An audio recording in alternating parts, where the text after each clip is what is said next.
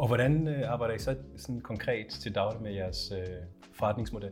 Ja, altså, det er jo det, der bliver et langt sejtræk, altså allerede har været et langt sejtræk, ikke? det er, at, at der er rigtig mange øh, interessenter i, i byggeriets værdikæde, som skal kobles sammen øh, til en helhed. Øh, hvis vi prøver sådan at kigge på det kort, altså den traditionelle, det lineære byggeri, det er baseret på, at der er råmaterialer, der bliver gravet op af jorden et eller andet sted. Det bliver til, kørt til en, en fabrik, som producerer et eller andet nyt byggemateriale, som så bliver distribueret, til, distribueret ud i, i, øh, i, i, i forsyningskæde, som består af grossister, byggemarkeder og andre.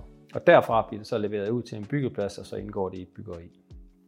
Når den, når den bygning så har været brugt i, i, en, i en årrække, og enten skal transformeres eller nedrives, så er det så, at, at man allerede der skal sætte ind med det, vi kalder, eller det vi alle begynder at benævne som ressource- og miljøkortlægning, altså finde ud af, hvilke materialer kan genbruges, i hvilke mængder, og må man øh, genbruge materialerne. Og det er derfor, at miljøkortlægningen kommer ind i det.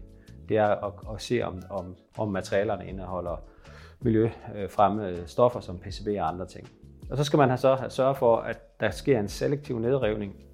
og det er så det, som nedriverne kigger ind i, det er, hvordan kan vi så pille en bygning fra hinanden, så materialerne rent faktisk kan bruges igen. Fordi den traditionelle nedrivning øh, gør jo, at materialerne typisk bliver ødelagt, så de ikke kan bruges igen.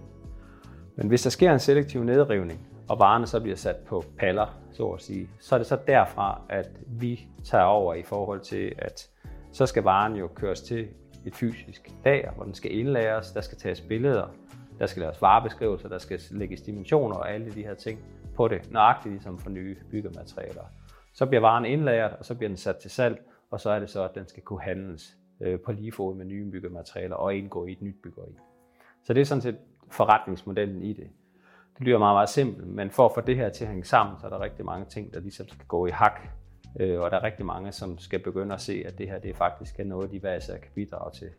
Og det er jo alt fra bygningsejeren, som skal være klar til at sende varen kommercielt i flow til nedriveren, til rådgiver, der laver ressourcer- og miljøkortlægning, til logistikpartner, til vores platform osv. osv., osv.